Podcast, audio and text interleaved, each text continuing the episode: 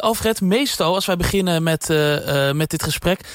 heb jij het over de paus, maar deze week niet.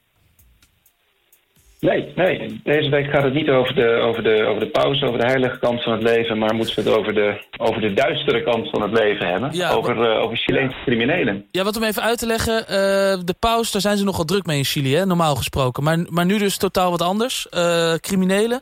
Ehm, nou, ik ben benieuwd. Altijd spannend. Ja, nou ja, het, het Nederlandse nieuws was in het Chileense nieuws. Uh, er is ongeveer een week of twee, drie geleden... stonden er artikelen in alle Nederlandse kranten over uh, Los Lanzas Chilenos. De Chileense speren, letterlijk vertaald. En dat is een soort uh, inbrekersbende. Die dan, dat zijn Chileense inbrekers en die vliegen naar Nederland. Die pakken het openbaar vervoer, die gaan wijken in... en die beginnen die, die woonwijken leeg te roven. Ja. En uh, bijvoorbeeld in Amstelveen was dat het afgelopen jaar uh, behoorlijk vaak raak. Ja, omdat ze drie Chilenen arresteerden. En, en toen waren alle inbraken weer voorbij. maar dat zijn dus Chilenen die komen naar Amstelveen om daar dingen te roven. En dan nemen ze alles weer mee naar Chili? Ja, of, of, ze verkopen het, of ze stelen vooral geld. Hoe dat precies in elkaar zit, weet ik niet. Het is in ieder geval wel zo dat ze uh, of niet gepakt worden of uh, gearresteerd worden en zo gauw ze uit het voorarrest zijn... Uh, weer op het vliegtuig stappen en, en wegwezen. Ja.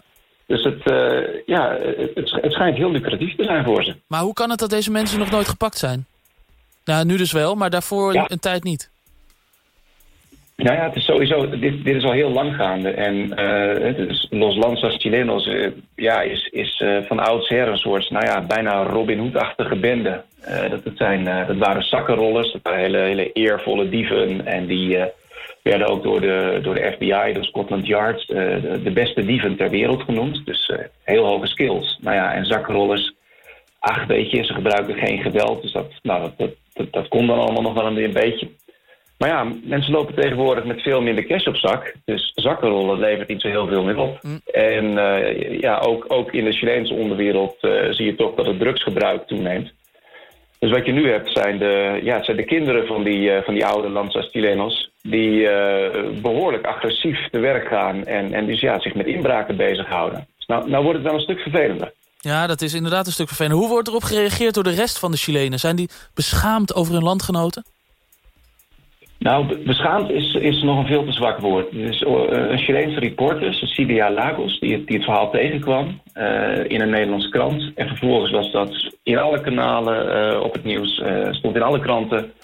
En, en iedereen was gewoon ontzettend kwaad, woedend. Want ja, we hebben eigenlijk bij het afgelopen, het vorige WK moet ik zeggen, in 2014 eigenlijk wel gemerkt dat de gemiddelde Europeanen heel weinig van Chili weet.